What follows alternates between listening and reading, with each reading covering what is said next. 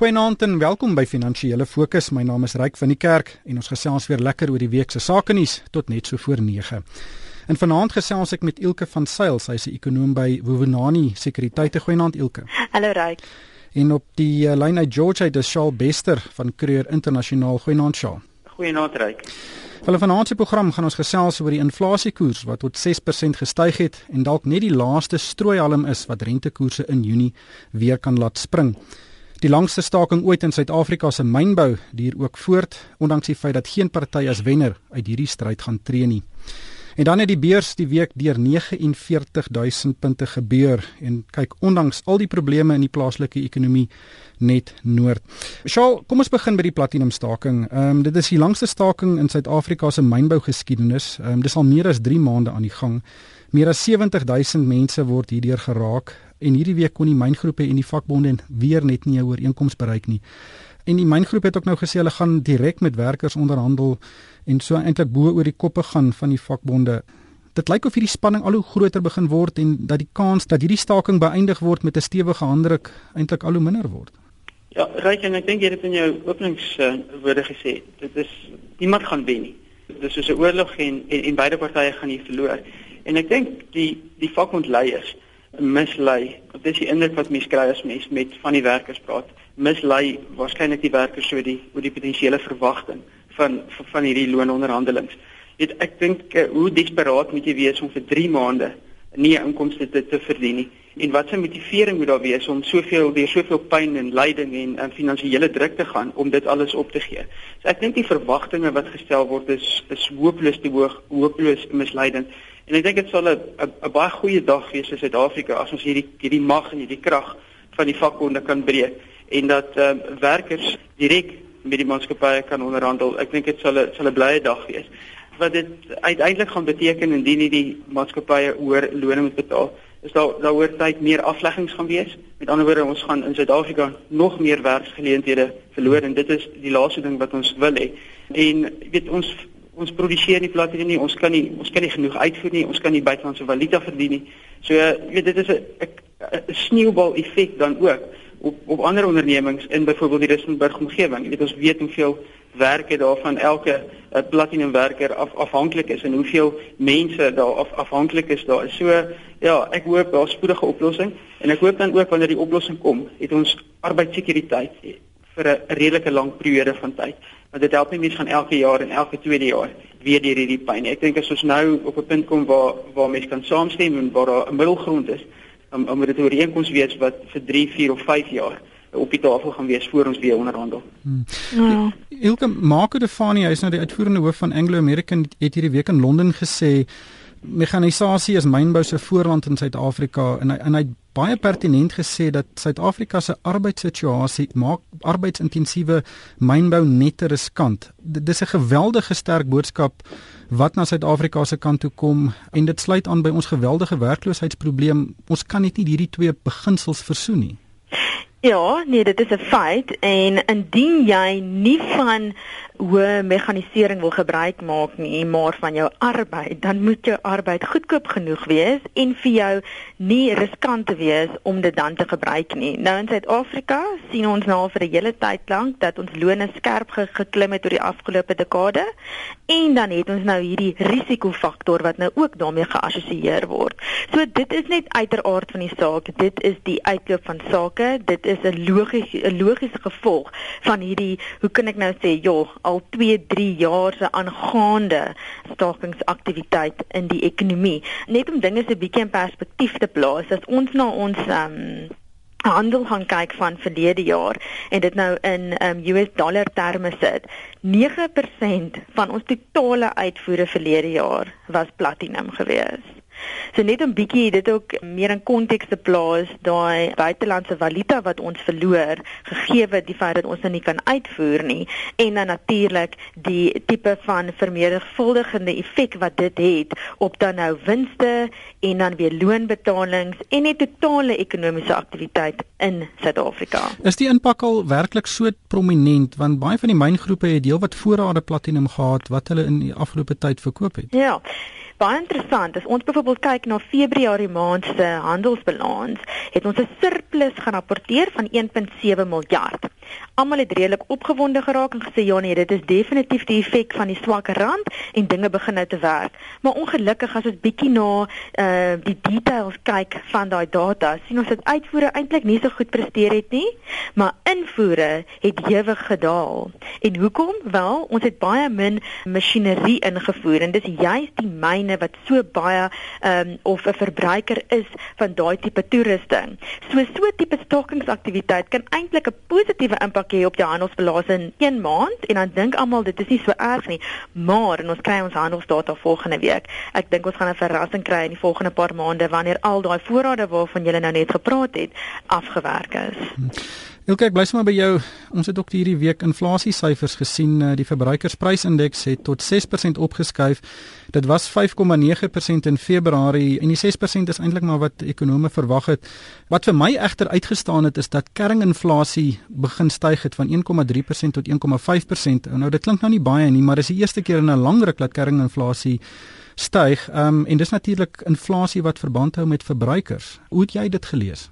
Ja, kyk eh, op 'n jaar op jaar grondslag het dit gestyg tot 5.5%, hoogste sedert Januarie 2010 en dit is inderdaad die tipe van aanwyser wat mense na sal kyk om te kyk wat die onderliggende tipe momentum is in jou prysbeweging in die ekonomie. So dis juist my een van my twee redes hoekom ek dink die Reservebank weer die koers gaan lig. Ek dink dit gaan dalk in Mei maand wees en indien nie Mei maand nie Julie, maar wat dalk goeie nuus is of of of beter slegte nuus is is dat dit in 'n kleiner tipe van maat of 'n of of of 'n kleiner stappie sal wees as die 50 basispunte wat ons um, aangewoond is. Ons het gehoor dat John Marcus gepraat het of nou onlangs redelik baie daarna verwys het dat hulle in 25 bips kan beweeg. Maar ja, daai kerninflasie wat dan gestyg het tot by 5.5, die Reserwebank se vooruitskatting vir hierdie jaar is gemiddeld van 5.6. So ek dink daai 5.5 het hulle ook redelik verras. En dan net om sommer ook iets vir interessante taalwe te noem, daai 6% hooflyninflasie is die vierde keer in die afgelope 9 maande wat ons inflasiekoers of bo of by daai 6% perk is. So daar is definitief 'n inflasiedruk in die ekonomie, maar verbruiker is eintlik nog te swak om daai inflasiedruk te absorbeer en dis dink ons die inflasie mag dalk baie verlangsaam volgende jaar nadat ons hierdie piek gesien het hierdie jaar. Sjoe? Ja, ek dink beteken dit nie ek dink dit is slegte nuus vir die verbruiker, soos Elke sê wat reeds onder druk is. Beteken waarskynlik as rentekoerse wat gaan opgaan, ons weet dit gaan opgaan, dat dit uh, verdere druk gaan plaas op verbruikers wat al, al met 'n hoë skuldlas sit. So uh, ek dink mense moet hulle gereed maak dat hulle skuld hulle duurder gaan kos in die toekoms en ek dink mense moet so vinnig as moontlik daai skuld terugbetaal. Maar wat die reservebank betref, sit hulle in 'n baie moeilike posisie. Jy weet aan die een kant, hulle kyk na ekonomiese groei wat ons weet die vooruitsigte word die hele tyd afwaarts aangepas en aan die ander kant met inflasie bo kan 6. Dit so vir vir beleggers is my aanbeveling om na iets anders as rentedraende beleggings te gaan kyk want mm. ek dink ons hou in die reservebank hou koerse eintlik nog kunsmatig laag en jy sit in 'n rentedraende belegging met 'n negatiewe reële opbrengs. Jy so mense moet na alternatiewe gaan kyk en ons uh, ons moet gaan kyk wat is die impak van van van rentekoerse wat eintlik nog te laag is gegee die die huidige inflasieposisie. Wat is die impak daarvan op ons op ons langtermyn welvaart want hoe langer jy 'n rentedraende belegging gaan sit in in hierdie omstandighede, hoe hoe armer gaan jy raak. So ons moet na die alternatiewe gaan kyk. Hmm. En as sou die Reservebank rentekoers verhoog, ek dink hulle het eintlik enige enige beheer oor die inflasie nie, want tot 'n groot mate kom al is alles ingevoerde inflasie en is ons 'n oop ekonomie en met die rand wat nog redelik swak is gegee wat ons 2 jaar terug was, dink ek nie gaan hierdie druk ophou nie. Eh, as ons kyk na die beurs, jy praat nou van langtermyn rykdom of welvaart, eh, die beurs het hierdie week deur 49000 punte gebars. Um onthou hy was 5 jaar gelede op 18000 punte, so dis meer as 'n drievoudige toename. Dit lyk asof hy net 'n uh, geweldige momentum het. Die beurs is oor die 5% op sedert die begin van die jaar. Onthou dat hy in Februarie was hy omtrent 5% af.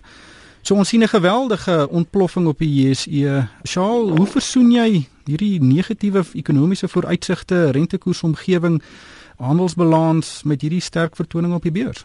Ryk, ek dink ons moet ons moet aanvaar dat die rand 'n redelike skokbreker is. Ehm um, so wanneer die rand verswak, dan kry jy dan die voordeel as jy genoteerde beleggings hou.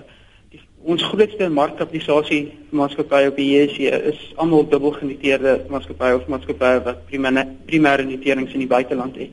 So so soos die rand verswak, sien ons uh, outomaties uh, kapitale appresiasie aan die ander kant wat die aandelepryse aanbetref. En dan in maatskappye soos Suid-Franse brouerye wat wat 80% van sy sy verdienste buite die land verdien. Jy weet, kry onmiddellik daai voordeel van 'n van 'n swakker rand. So ek dink as 'n mens gaan kyk wat het die JSE in dollar terme gedoen, dan was dit nie noodwendig so sterk nie, maar dit gee vir ons as Suid-Afrikaners 'n baie goeie en 'n baie koste-effektiewe wyse om ons te beskerm teen hierdie stygende inflasie en teen hierdie verswakkende rand. Maar wat die beurs self aanbetref, ek dink dit die die wilse verwagtinge van die grootste bulle oortref. Ek dink nie iemand het gesien dat die rand of dat die JSE op hierdie die stadium 49000 vlak op 49000 vlak sal wees nie. En ek dink dit is ook baie belangrik dat ons nie met probeer voorspel waar die beurs heen gaan nie, want ons hoor al van 30000 af dat die beurs te vinnig te ver gehardloop het. So ek dink eh, beleggers moet daarom 'n langtermynsiening neem. Hulle moet hulle beleggingsportefeulje gaan struktureer wat hulle beskerm teen al hierdie faktore wat ons nou gepraat het. En ek dink oor tyd dan sal jy goeie welvaart kan kan skep en jy sal dit op 'n baie koste-effektiewe wyse kan skep deur van genoteerde instrumente gebruik te maak. Ons inflasie is besig om te klim en ons groei is swak. En as ons dit kontrasteer met wat in die wêreldekonomie aangaan van die grootste ontwikkelde lande, wie se inflasie laag is, en hulle groei is besig om op te tel. Dit is 'n wenresep vir 'n swak wisselkoers. So net as mense begin wonder hoekom is die rand nog steeds by 10.50.60 en is ons nie nader aan iets soos 'n tipe van 'n regverdige waarde van sê net onder R9 nie, dan is dit vir jou 'n baie goeie aanduiding oor hoekom ons nie 'n sterker rand sien nie. Die een ding wat 'n mens moet onthou ook van die aandelebeurs is Die ekonomie kan dalk swak lyk, maar die aandelebeurs is nie noodwendig 'n 100% steekproef van hoe die ekonomie lyk nie. So met ander woorde, daar's baie buiteland ag buitelandse faktore wat ook inspel op daai maatskappye. En dan ook alhoewel ons hierdie kwantitatiewe verruiming uit die FSA sien wat teruggerol word heidaglik, moet ons nie van Japan vergeet nie. Hulle kwantitatiewe verruimingprogram is heidaglik groter as die van die FSA se. So dit kan dit natuurlik tipe van 'n buffer effek of of neutraliserende effek hê teen wat in Amerika gebeur. En ehm um, Ja, baie interessant. Ons het syfers gesien. Inflasiekoers in Japan het met 2.7% gestyg, meeste in omtrent twee dekades. So die indikasie is dat ja, dit is as gevolg van 'n belasting uh, verhoging ook, maar dat daai tipe van beleide besig is om te werk en wat hulle is al 10 teen 1 daarmee aanhou ook. En die feit van die saak is ek sê altyd vir mense, die aandelebeurs, ja, hy kan dalk duur wees, maar hy kan nog duurder raak want as mense pensioenfonds geld ensovoorts moet belê, gaan dit aandelemark toe. En so Charles regtelik gesê het, jou rentedraande beleggings gee nie vir jou regtig opbrengs heidaglik van bo inflasie nie. So 'n mens gaan regtig 'n beermark moet sien of 'n regtig um, skerp afswaai in jou plaaslike ekonomie voordat die aandelemark dit noodwendig so sterk gaan reflekteer. Uh die tyd haal ons ongelukkig in. Dit is eintlik 'n baie belangrike onderwerp daai elke. Maar maar Marshall, ons het 'n nuwe bank in Suid-Afrika. Gazprom Bank is 'n Russiese bank, is een van hulle grootste kommersiële banke. Gaan 'n kantoor in Suid-Afrika open en die groep is baie positief oor Suid-Afrika se toekoms. Uh hulle het Suid-Afrika gekies as hulle primêre weet uh, um, kantoor of hoofkantoor in Afrika weens ons goeie finansiële infrastruktuur en interessant genoeg groei vooruitsigte. Wat dink jy van uh, Gazprom Bank? Ja, right, ek ek dink ons bied vir vir sulke internasionale en groot banke 'n goeie omgewing om om in te opereer. Ek dink ek sal baie verbaas wees as hulle as hulle beleggings en hulle daarmee aan saam gaan werk met nuwe ontwikkelinge heeltemal in Suid-Afrika gaan wees. Ek dink uh, almal erken dat Afrika dalk 'n uh, uh, nuwe diamant is. Um, ons sien 'n groter middelklas, ons sien geweldige uitbreidings in gas en olie En daarmee saam gaan daar natuurlik infrastruktuur um, uitbreidings, mynwese wat begin optel in die res van Afrika. En ek dink die Chinese het dit eers gesien, maar die ander internasionale banke begin ook daarna daarna kyk en wil waarskynlik nie daarbey uitmis nie. So ek dink Suid-Afrika is 'n goeie springbord vir hierdie maatskappye om in die res van Afrika in te groei en deel te wees van die groei wat ons in die res van Afrika gaan sien want ons praat van baie baie goeie en baie sterk ekonomiese groei in suidelike Afrika as ons uh, Suid-Afrika nou daarby uithaal. So ek dink is 'n natuurlike beweging van kapitaal in die wêreld wat gaan na daar waar hulle waarskynlik verwag om die om die hoogste opbrengs op hulle kapitaal te verdien. Elke net laastens, weet ons bly by Rusland, uh, S&P het Rusland se kredietgradering verlaag en met 'n paar draaie kan dit Suid-Afrika ook raak. Ja, dit is um, in die gewone stand van sake dit noodwendig so belangrik gewees het nie, maar hoekom dit is, is eerstens hulle kredietgradering voor Vrydag se afgradering was dieselfde as Suid-Afrika se gewees. So dit was ook triple B gewees. Uh 'n paar weke terug het ons gesien dat dat S&P Brazil ook afgegradeer het en hulle was ook in dieselfde kredietband as ons gewees. Dus wanneer ons kredietgradering opdatering datum kom wat die 13de Junie is, lyk dit of die tendens beweeg na 'n tipe van 'n laer gradering vir die lande wat op 'n negatiewe uitkyk was. So dit kan natuurlik ook dan nou weer eens ons uh effekte mark raak en ook dan nou weer al die rente draande tipe van ehm um, instrumente en vir jou 'n tipe van 'n kapitaal erosie laat laat laat ehm um, ervaar.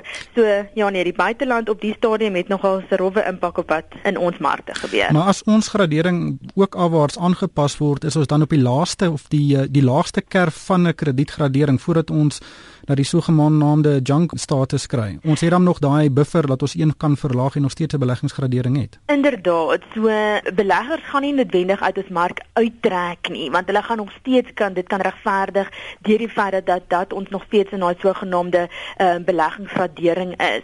Maar uh, dit raak natuurlik gevaarlik naby. So indien iemand moet kies tussen um, ons of um, Suid-Afrika en 'n ander land wat of wat 'n ontleikende mark is wat krediet opgradeer waardering heidaglik ervaar, mag ons sien dat die geld dan eerder daarna te vloei. Maar jy is uh, reg, ons het nog ten minste daai buffer. Dit is nog nie krisis krisistye nie. Ongelukkig uh, het die tyd ons ingehaal. Baie dankie aan Ilke van Sail van Bonani Sekuriteite. Dankie Ilke. Goed reg. En Shaal Bester van Creer Internasionaal. Dankie Shaal. Dankie reg. Goeienaand. En van my ryk van die kerk, dankie vir die saamluister en ek koop almal 'n winsgewende week.